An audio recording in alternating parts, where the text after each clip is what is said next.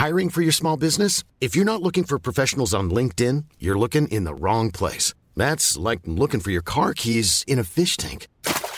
LinkedIn helps you hire professionals you can't find anywhere else, even those who aren't actively searching for a new job but might be open to the perfect role. In a given month, over 70% of LinkedIn users don't even visit other leading job sites. So start looking in the right place. With LinkedIn, you can hire professionals like a professional. Post your free job on linkedin.com slash people today. A lot can happen in three years, like a chatbot may be your new best friend. But what won't change? Needing health insurance. United Healthcare Tri Term Medical Plans, underwritten by Golden Rule Insurance Company, offer flexible, budget friendly coverage that lasts nearly three years in some states. Learn more at uh1.com. Hey, it's Ryan Reynolds, and I'm here with Keith, co star of my upcoming film, If, only in theaters, May 17th. Do you want to tell people the big news?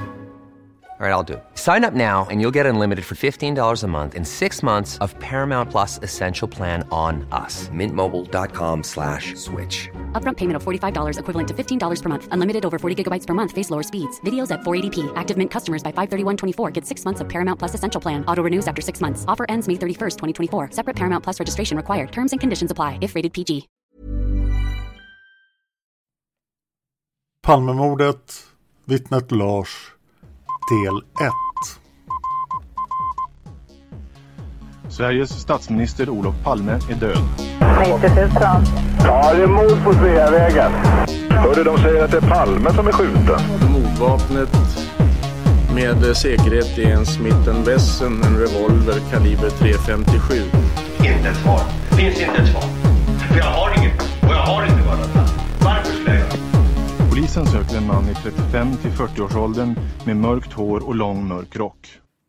Välkommen till podden Palmemordet som idag görs av mig, Dan Hörning.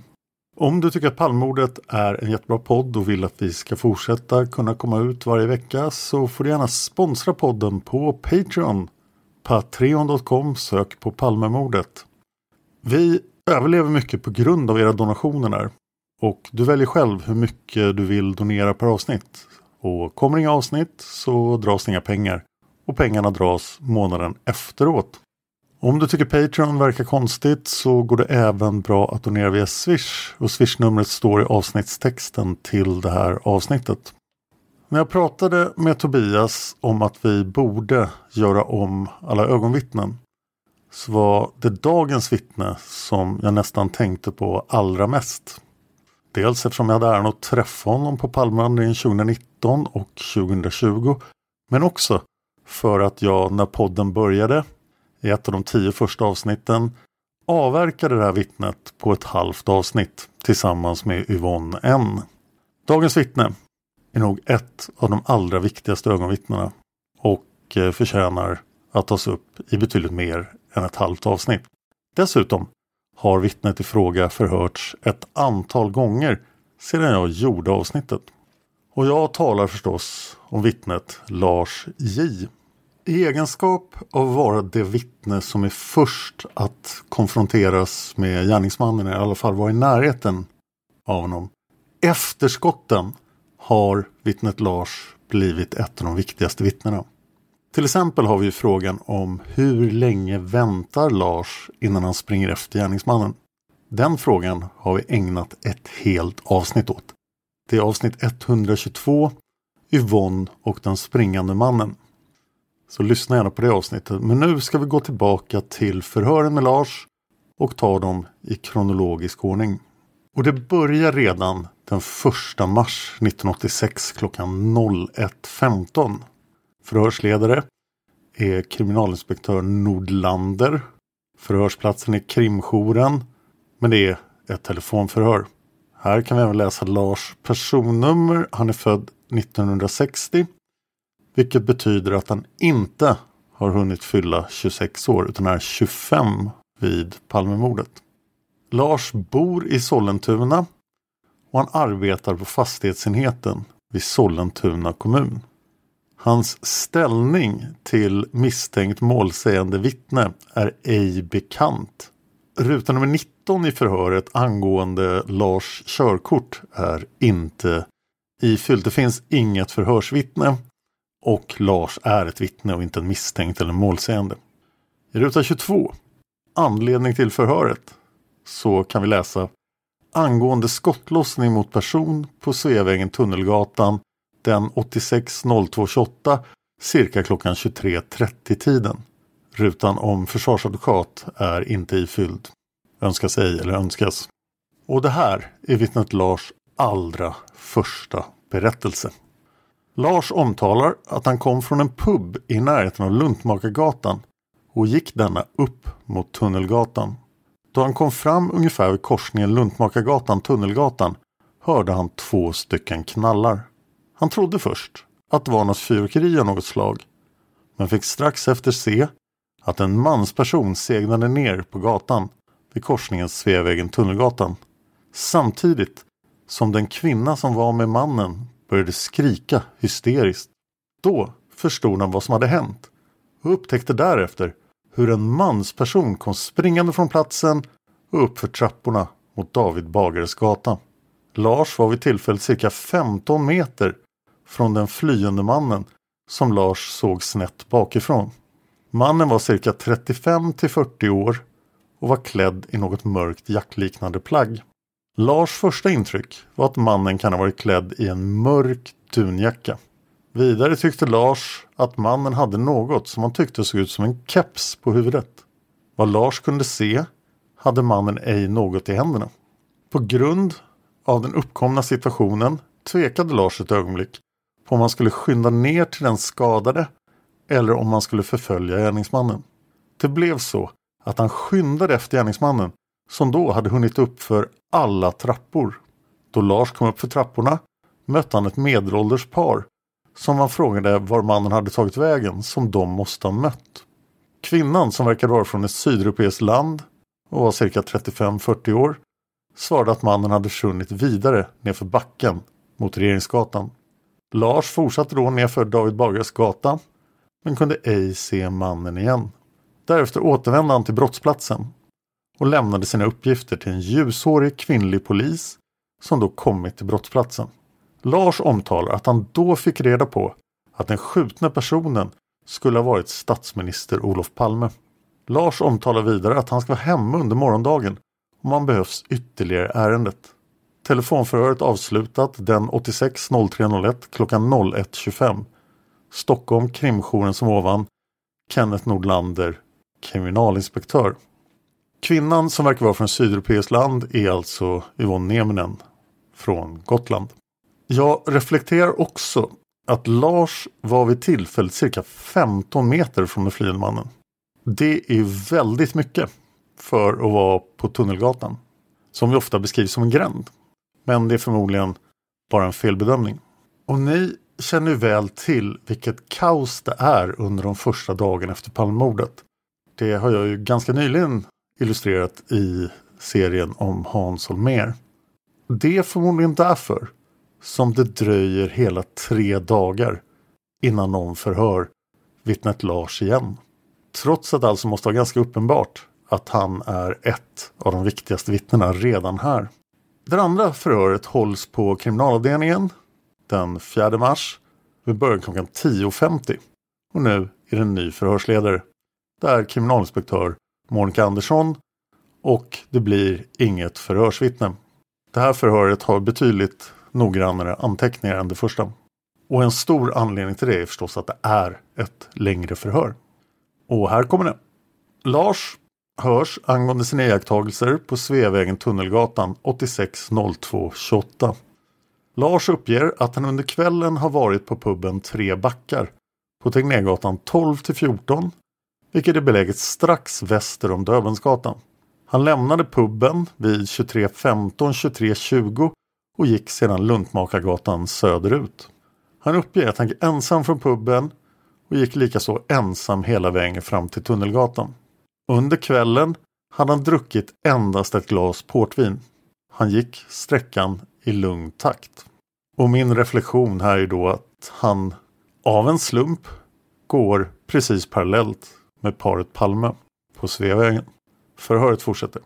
När han hade kommit fram till Tunnelgatan och just passerat barackerna som står i mitten på gränden stannade han till och funderade på om han skulle ta vägen ner på Sveavägen via Tunnelgatan. Medan han står där och funderar över vägvalet hör han två smällar som kommer i tät följd. Han uppfattar smällarna typ fyrverkeri eller smällar man kastar iväg. Han hör att smällarna kommer ner från Sveavägen och tittar till neråt och ser en man falla omkull nere vid korsningen Sveavägen. Min reflektion här är alltså återigen någon som uppfattar det här synnerligen grovkalibriga vapnet som låter som en åskknall bara som smällare. Fast han står så nära. Förhöret fortsätter. Lars uppger att mannen som faller omkull är skymd från honom så länge han är upprätt men blir synlig framför barackerna när han faller. Han ser sedan en kvinna som faller ihop bredvid mannen och skriker till. Han hör sedan springande steg på Tunnelgatan i riktning mot sig själv. Dessa steg är på norra sidan av barackerna. Lars vänder sig om för att se den springande personen. Lars själv befinner sig då några steg in på Tunnelgatan på söder sida om baracken. Han ser sedan en man springa upp för trapporna mot Malmskillnadsgatan. Lars står först stilla på sin plats. Men när mannen har kommit upp i den övre halvan av trappan går Lars fram till början av trappan. Han har dessförinnan stått och tittat ner mot Sveavägen om han skulle gå dit och hjälpa till på något vis. Lars uppger att han såg mannen snett bakifrån på några meters avstånd. Han har här svårt att bedöma avståndet vilket ska korrigeras med en vallning på platsen sedan. Han säger sig inte ha sett mannens ansikte och har svårt att beskriva mannens kläder. Han uppskattar mannens längd till ungefär av medellängd. Själv är Lars 164 cm lång och mannen var längre än han själv. Vidare uppger han att mannen var tämligen kraftig över axlar och rygg. På huvudet bar han en keps och tror att den var mörk eftersom han inte särskilt lade märke till den. Han hade vidare ett mörkt plagg, typ jacka eller rock. Life is full of what ifs. Some awesome, like what if AI could fold your laundry? And some, well, less awesome, like what if you have unexpected medical costs? United Healthcare can help get you covered with Health Protector Guard fixed indemnity insurance plans they supplement your primary plan to help you manage out of pocket costs. No deductibles, no enrollment periods, and especially no more what ifs. Visit uh1.com to find the Health Protector Guard plan for you. If you're looking for plump lips that last, you need to know about Juvederm lip fillers. With Juvederm Volbella XC and Juvederm Ultra XC, your lip look, whether it's subtle or bold, can last up to one full year with optimal treatment and no additional maintenance. Find a licensed specialist and see if it's right for you at Juvederm.com today. That's J U V E D E R M.com. Add fullness to lips in adults over 21 with Juvederm Volbella XC or Juvederm Ultra XC. Do not use if you have severe allergies or a history of severe allergic reactions, or if you're allergic to lidocaine or the proteins used in Juvederm. Tell your doctor if you have a history of scarring or taking medicines that decrease the body's immune response or that can prolong bleeding. Common side effects include injection site redness, swelling, pain, tenderness, firmness, lumps, bumps, bruising, discoloration, or itching. As with all fillers, there's a rare risk of unintentional injection into a blood vessel, which can cause vision abnormalities, blindness, stroke, temporary scabs, or scarring. For full important safety information, visit juvederm.com. Quality sleep is essential. That's why the Sleep Number Smart Bed is designed for your ever evolving sleep needs. Need a bed that's firmer or softer on either side? Helps you sleep at a comfortable temperature? Sleep Number Smart Beds let you individualize your comfort so you sleep better together. JD Power ranks Sleep Number number 1 in customer satisfaction with mattresses purchased in-store. And now, save 50% on the Sleep Number limited edition Smart Bed for a limited time. For JD Power 2023 award information, visit jdpower.com/awards. Only at a Sleep Number store or sleepnumber.com. Lars är medveten om att han vid ett första förhör har sagt att detta skulle vara typ täck eller dunjacka men är nu osäker på om så var fallet. Beträffande detta plaggs längd ser han sig heller inte kunna minnas om han såg om plagget räckte ner vid benen på mannen. Han säger sig heller inte kunna beskriva byxor eller skor utan säger att det var en mörk figur som försvann upp för trappan. När mannen hade kommit upp för trapporna och nått Malmskillnadsgatan vände han sig om och tittade neråt. Lars gick då in bakom en barack så att han skymdes av denna. Lars säger här att mannen endast kastade en blick över axeln så att Lars kunde skymta en del av hans ansikte men kunde ändå inte urskilja några detaljer i ansiktet såsom om mannen hade skägg eller bar glasögon. Han kastade sedan en blick neråt Sveavägen igen och såg att det hade samlats folk runt omkring den skadade. Och därefter bestämde sig Lars för att följa efter den springande mannen. I det läget hade han förstått vad som hade hänt. Det vill säga att två skott hade avlossats och någon hade blivit skadad. Och att det förmodligen var gärningsmannen som sprang från platsen. Han säger sig dock ha uppfattat det ungefär som en film utan att egentligen förstå allvaret i det hela. När Lars börjar springa upp för trapporna har mannen redan försvunnit ur synhåll. När Lars är nästan uppe för alla trapporna möter han ett par och han frågar dessa om de har sett en man springa förbi där. Kvinnan säger då att han sprang rakt fram här. Lars säger inget till paret om vad som har hänt nere vid Tunnelgatan men ställer sig i gatukorsningen Malmskillnadsgatan, David Bagares gata och tittar neråt David Bagares gata för att se om han ser någon där nere och funderar samtidigt på om han ska våga sig ner efter den springande mannen. Han ser då en man gå från gatan in mellan parkerade bilar på Dagens Bagares gatas norra sida. Mannen försvinner sedan mellan bilarna och kommer inte ut på någon sida av bilarna.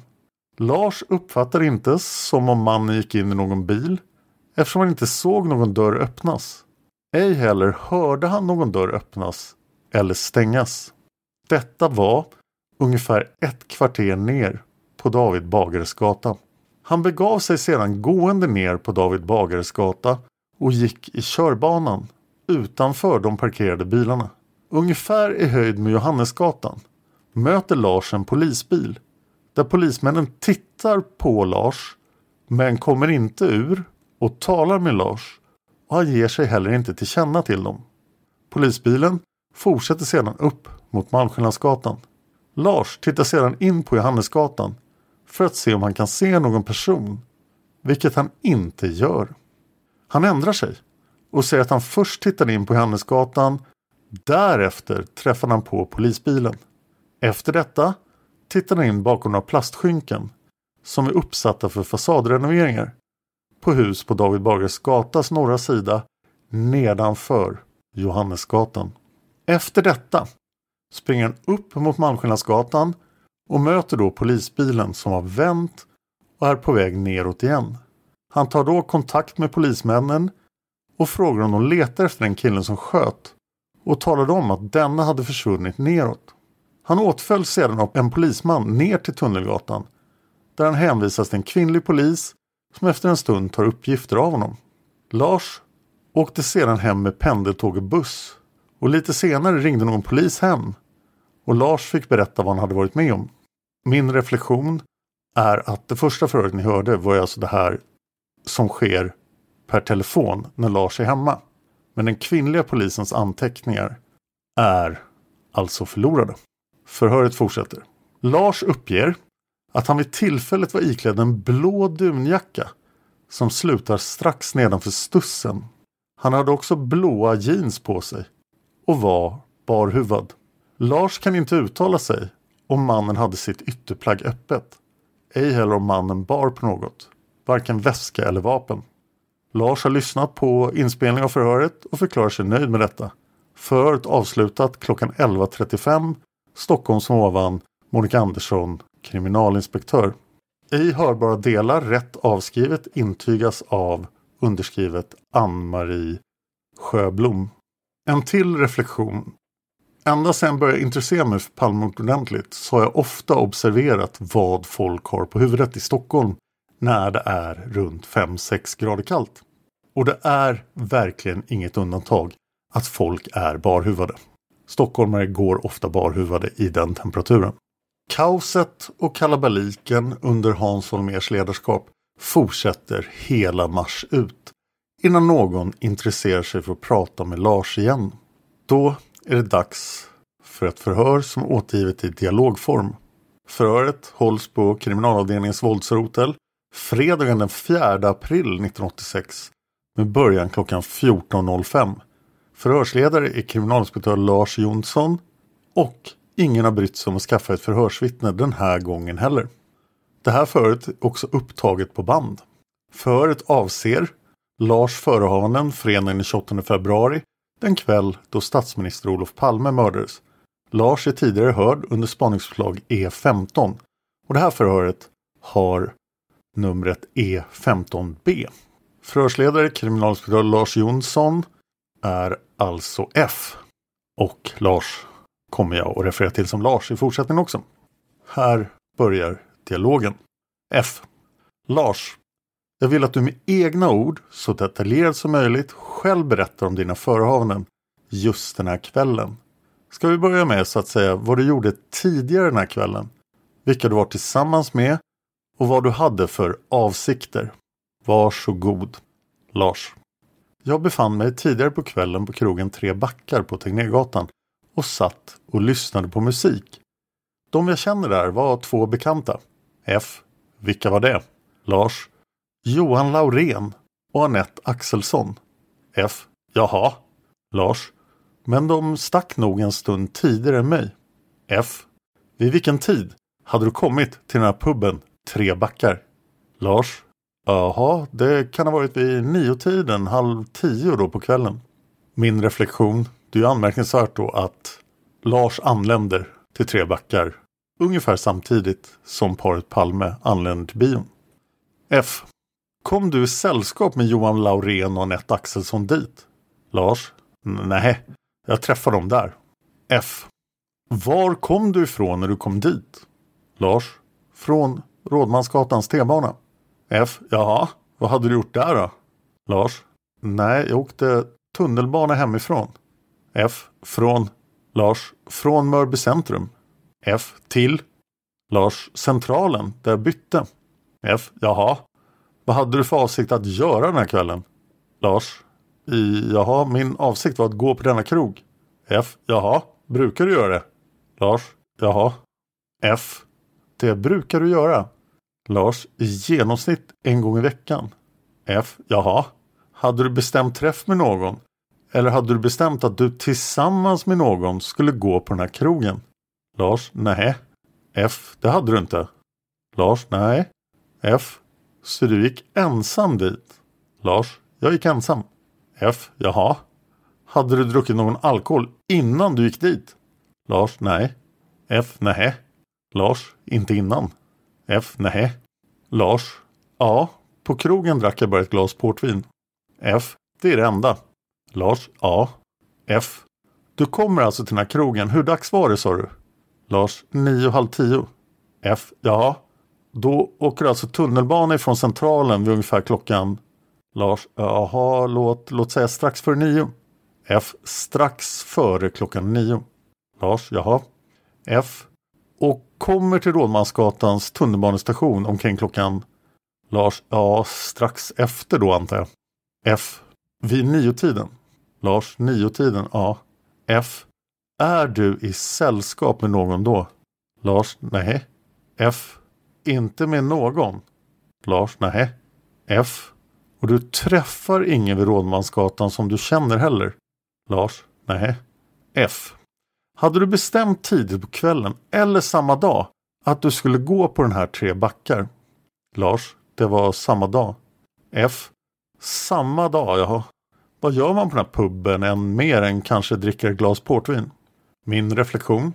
De gånger Lars har varit med på Palmevandringen så har han faktiskt, vad jag har märkt, druckit precis ett glas vin under en middag som ofta är två timmar lång. Förhöret fortsätter. Lars. Jaha. Det blir att man sitter och pratar med någon eller lyssnar på musik. Jag för min del lyssnade mest på musiken den kvällen. Det var bluesafton då. F. Det var bluesafton. Lars. Ja. F. Jaha. Är det levande musik eller? Lars. Det är alltid levande musik. F. Jaha. Efter jag förstår så anländer du dit strax efter klockan 21. Uh. Lars 21. Ja. F. Du promenerar alltså från Rådmansgatan till den här puben. Och puben, vilken adress ligger den då?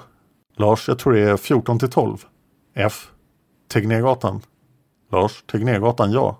F. Ja, när du kommer dit? Lars, ja. När jag kommer dit så går jag till, jag kollar om det är någon jag känner där. Och sen gick jag till baren och köpte då detta glaset portvin. Och pratade med någon i kön. Och sen gick jag då ner till källaren där musiken finns och gick in. F. Jaha.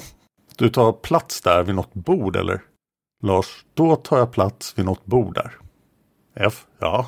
Lars. Nej, fel. Jag, jag satt vid golvet. F. Jaha. Lars. Det fanns inga stolar lediga. F. Nähä. Var det många människor där? Lars. Ja, det var fullsatt. F. Det var fullsatt. Den här Johan Laurén och Anette Axelsson, är de festfolk så att säga? Lars. Ja, det är festfolk. F. Jaha. Var de där när du kom dit eller? Lars. De var där när jag kom dit, ja. F. Jaha. Så de träffade du där alltså? Lars. Ja. F. Pratade ni med varandra? Lars. Inte mycket, men lite grann. F. Jaha. Brukar de vara gäster där? Lars. Ja, till, äh, ibland i alla fall.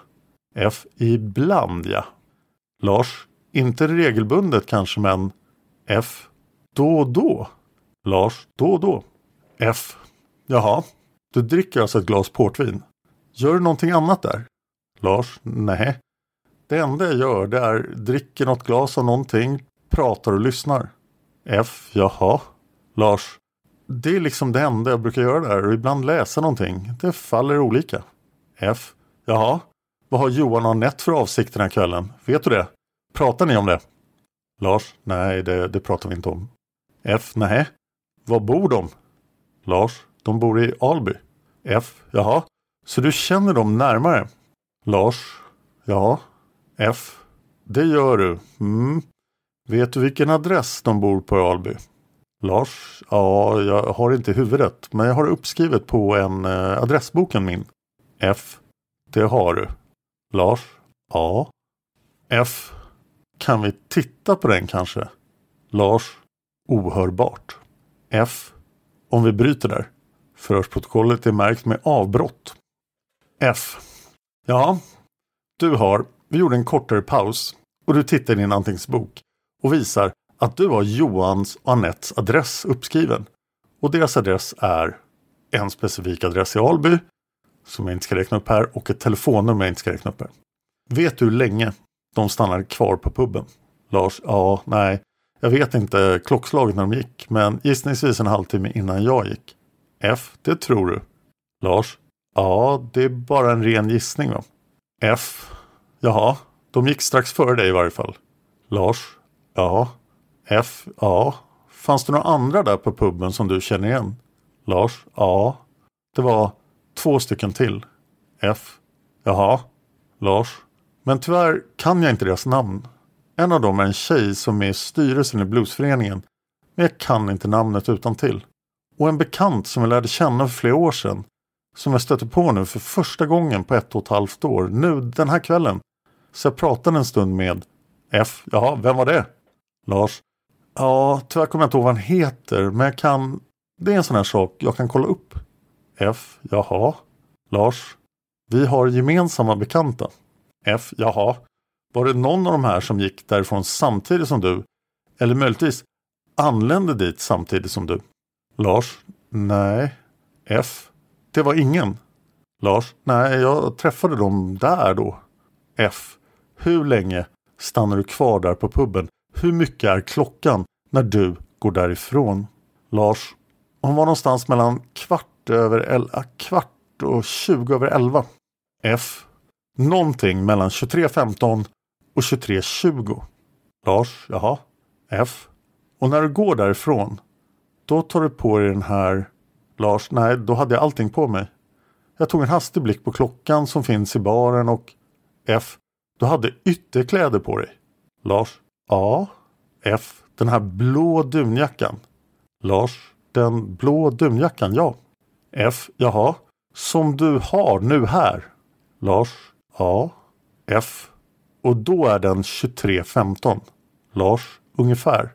F. Ungefär.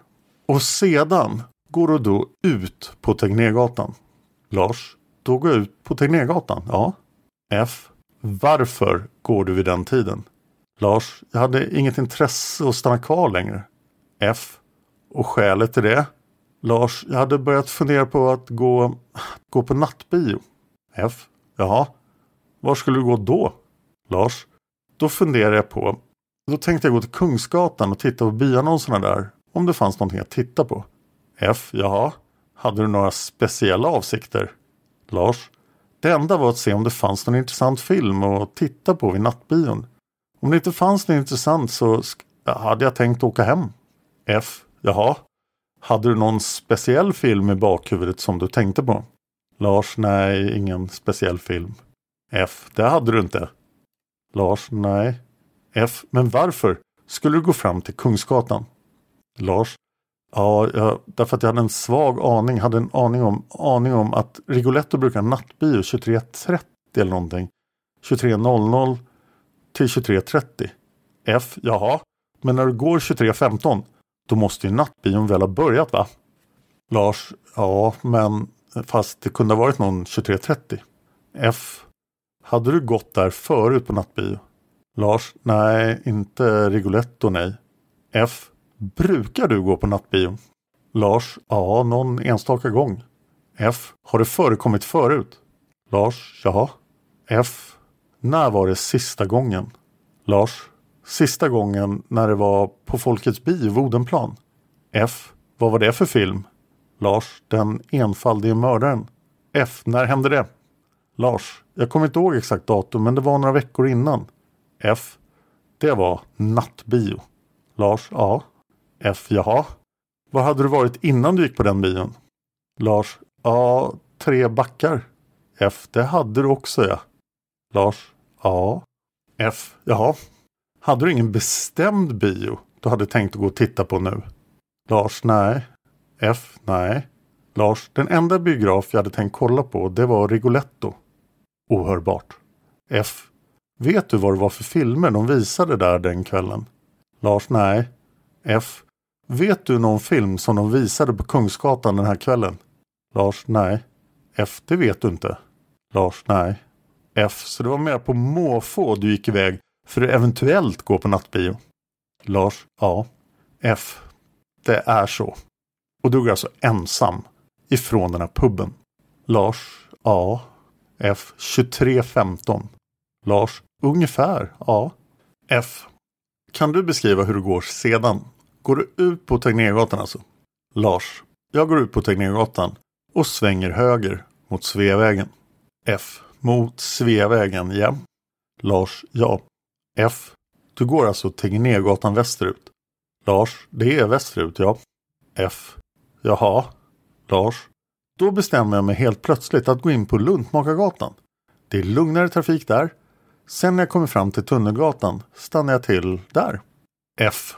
Varför går du Luntmakargatan? Lars. Ja, det är lugnt. Eh, ingen trafik där i motsats till Sveavägen. F. Nej, men du ska väl ändå inte gå ut i gatan? Du går väl på trottoaren? Lars, ja, jag tänkte bara. Jag gick mitt på gatan för att det inte fanns några bilar som F. Men du gick, du viker av på Luntmakargatan. Du går alltså inte fram till Sveavägen? Lars, nej. F. Och går den söderut? Lars, söderut. Söderut, ja. F. Men går du fram till Sveavägen? Lars, nej. F. Det gör du inte. Lars, nej. F. Så du går Luntmakargatan? Lars, ja. F. Söderut. Lars, ja. F. Jaha. I avsikt att gå till Kungsgatan? Lars. I avsikt att gå till Kungsgatan? F. Ja. Har du gått på Luntmakargatan vid tidigare tillfällen? Lars. Inte ofta. F. Nej. Hur brukar det gå annars? Lars, ja oftast brukar jag gå ner till Rådmansgatans T-bana, oftast eller så Sveavägen. F. Jaha, men du var väl lite sent ute för att gå på nattbio, var det inte så? Lars, ohörbart. Nej, det vet jag inte om jag var. Jag tänkte bara kolla om det var något som började 23.30. Då skulle jag kommit fram ganska precis. F. Jaha. Du hade ingen avsikt att ta tunnelbanan någon station? Lars. Nej. F. Från Rådmansgatan till Hötorget exempelvis? Lars. Nej. Jag tänkte det skulle vara trevligt med en promenad också. F. Jaha. Du går alltså Luntmakargatan söderut? Lars. Söderut? Ja. F. Jaha. På Luntmakargatan? Där går du ensam? Lars. Ja, eh, ensam. Ja. F. Vilken sida av gatan går du på? Lars. Ja, högra körfilen. F. På högra sidan. Alltså den västra trottoaren. Lars. Nej, jag gick nog blandat trottoaren och körfältet. F. Ja, så du gick både i gatan och på trottoaren? Lars. Ja. F. Och vad var anledningen till det? Lars. Ja, jag, jag, ser att om det inte kommer några bilar så tyckte jag att det är bättre plats på körfältet. F. Jaha. Så du går ungefär mitt i gatan eller i körfältet? Lars. Ja, högra körfältet. F. Jaha. Hade du någon väska med dig vid tillfället? Lars. Ohörbart. Då hade jag denna tygväska. F. Du hade den tygväskan som du nu har med dig. Det är en beige axelremsväska. Ganska sliten sådan. Som du visar upp. Lars. Ja. Even on a budget, quality is non-negotiable. That's why Quince is the place to score high-end essentials at 50 to 80% less than similar brands. Get your hands on buttery soft cashmere sweaters from just 60 bucks, Italian leather jackets, and so much more. And the best part about Quince, they exclusively partner with factories committed to safe, ethical, and responsible manufacturing. Elevate your style without the elevated price tag with Quince. Go to quince.com slash upgrade for free shipping and 365-day returns. Hi, I'm Daniel, founder of Pretty Litter. Cats and cat owners deserve better than any old-fashioned litter. That's why I teamed up with scientists and veterinarians to create Pretty Litter. Its innovative crystal formula has superior odor control and weighs up to 80% less than clay litter. Pretty Litter even monitors health by changing colors to help detect early signs of potential illness. It's the world's smartest kitty litter. Go to prettylitter.com and use code ACAST for 20% off your first order and a free cat toy. Terms and conditions apply. See site for details. A. F. Ja. Vad förvarade du i den väskan? Lars. Vad jag hade i den väskan just den kvällen kommer jag inte ihåg. Det var en anteckningsbok, någon bok och sen hade väl någonting mera men F. Vadå? Lars vet ej. F. Varför vet du inte det? Lars, nej, för det inte var något speciellt viktigt som jag la på minnet. Det var bara någon pryl. F. Vad då för pryl? Lars, vet ej. Det har fallit ur minnet. F. Varför då då? Lars, ohörbart. Eh, ja, för att det hade väl inte någon större vikt antar jag. F. Nej, men det var ju någon pryl säger du. Vad skulle det vara för pryl? Lars. Ja, jag brukar ha med mig något rutigt block. Men jag är inte säker på att det kan ha varit den prylen. F. Ett rutigt block. Lars. A. F. Jaha. Vad brukar du ha det med dig för? Lars. Ifall jag får, skulle få för mig att skriva upp någonting. F. Jaha. Så du brukar ha din almanacka eller kombinerade almanacka och anteckningsbok där i. Som du nu har i den. Lars. Det är kombinerat telefonblock och almanacka. F. Det är det ja. Och är det någon bok? Lars. Någon bok ja. F. Men hade du någon annan pryl här i den här kvällen? Lars, den enda pryl jag kan ha extra, det är ett rutigt block. F. Jaha, ingenting annat? Lars, inte som jag minns. F. Nej, jag fick uppfattningen när du säger så här, att jag hade en annan pryl. Att det var någonting annat som du hade i väskan. Var det så? Lars, nej, det var mest bara en känsla. Extra än det där ordinarie. F. Vad sa du? Lars, det är mest bara en känsla nu att jag hade någonting extra utöver det vanliga. F. Vad skulle det vara? Lars, jag vet inte. F. Vad? Lars, vet ej. F. Varför då? Varför får du den här känslan? Lars, nej, jag kan inte förklara varför, men ohörbart. F. Vad? Lars, nej, jag kan inte förklara varför, bara att det är en känsla att jag hade någonting. F. Typ vad då? Lars, Ja, någon obetydlig sak. F. Men det är någonting mera. Lars, det var någonting mera. F. obetydlig sak. Vadå obetydlig sak? Lars. Ja, jag vet inte. Någonting.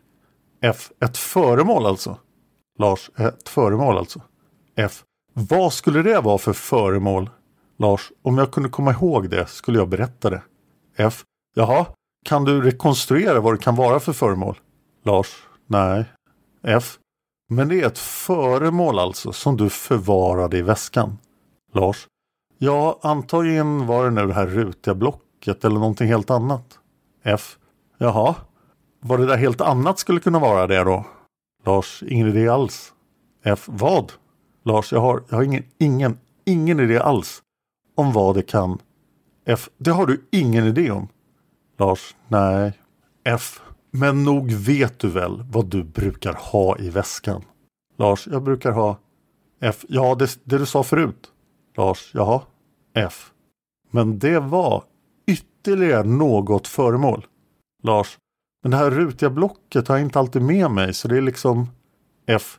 Men det här föremålet som du kan komma på nu. Vad kan man använda det till? Lars, tystnad. Ja, eventuellt kan jag plocka ner någonting som jag trodde jag skulle ha användning för ungefär. Men som jag tydligen inte fick. F. Vad var det då? Hade du plockat med dig någonting ohörbart? Lars. Ja, jag hade några... Jag har antagligen bara satt ner någonting i väskan. F. Vad var det för någonting då? Lars. Vet ej. F. Så du hade tagit med dig någonting där? Lars. Ja. F. Det vet du? Lars. Det är mer en sån här känsla att jag hade någonting med. F. Mm. Vad var det? Lars. Vet ej. F. Hade du tagit det hemifrån eller? Lars. Ja. F. Var då? Lars. Ja, vet ej. F. Men det måste du väl veta när du har tagit det hemifrån bostaden? Lars. Ja, men jag kunde ta lite med mig i väskan. F. Nej. Men vid det här tillfället. Du har en känsla och att du har tagit med dig någonting hemifrån som du hade ett extra föremål som du hade i väskan. Lars. Antagligen var det någonting som jag inte brukar ha med mig i väskan. Det, och det är därför jag inte kommer ihåg. F. Är det något tillhygge? Något vapen? Eller? Lars. Nej. F. Vad är det för någonting då? Lars. Ja, som jag sa förut så har jag ingen aning. F. Kan du inte komma på det? Lars. Nej. Ja, något vapen är det inte. Det brukar... F. Är det en kniv? Lars. Nej. F. Har du haft något vapen i väskan vid något tillfälle? Lars. Nej. Om man inte räknar med en kökskniv som vapen. Varit till någon affär och handlat. F. Jaha. Det har du haft förut? Lars. Ja.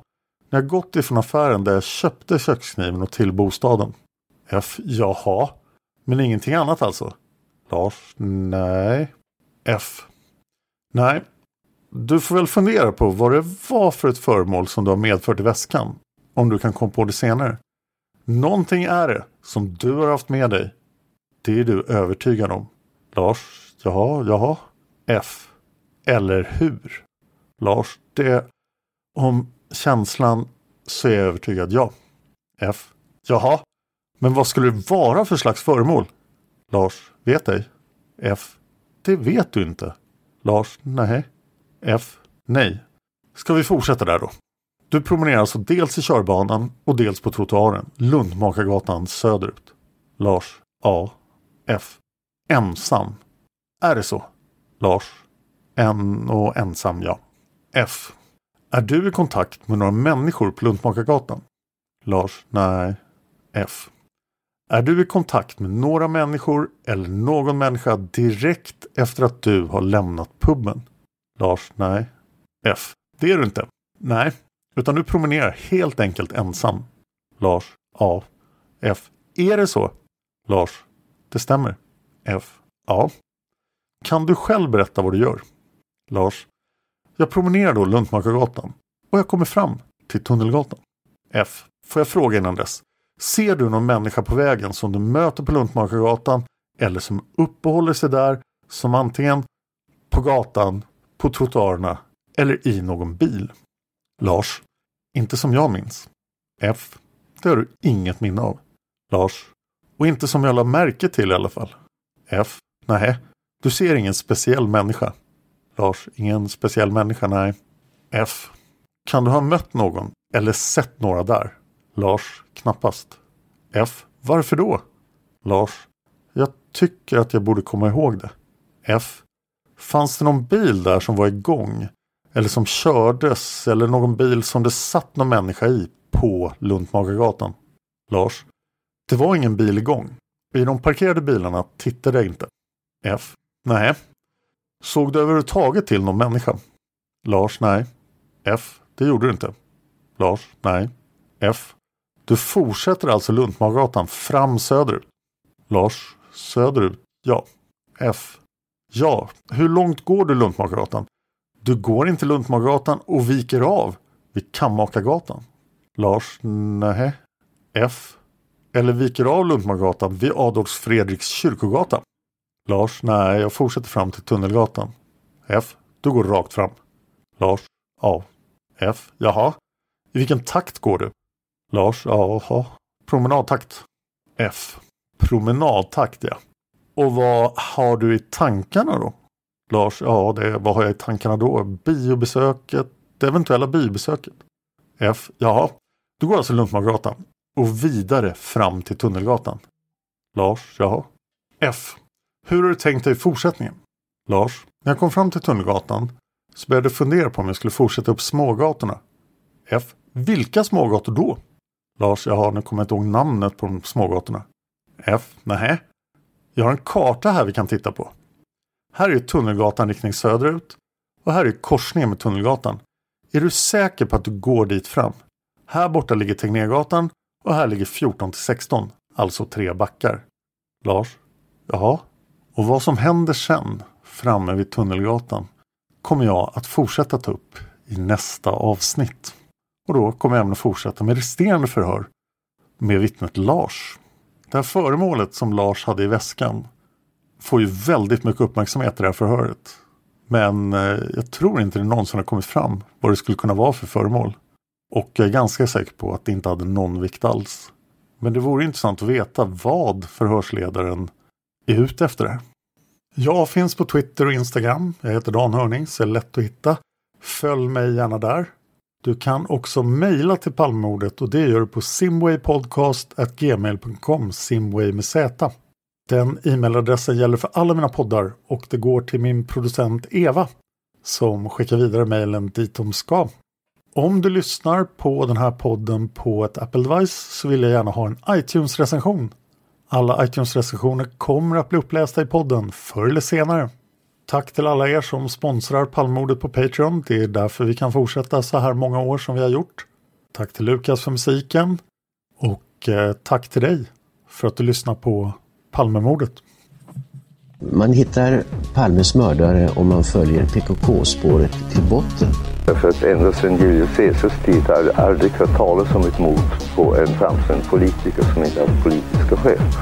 Polisens och åklagarens teori var att han ensam hade skjutit Olof Palme. Och det ledde också till rättegång, men han frikändes i hovrätten.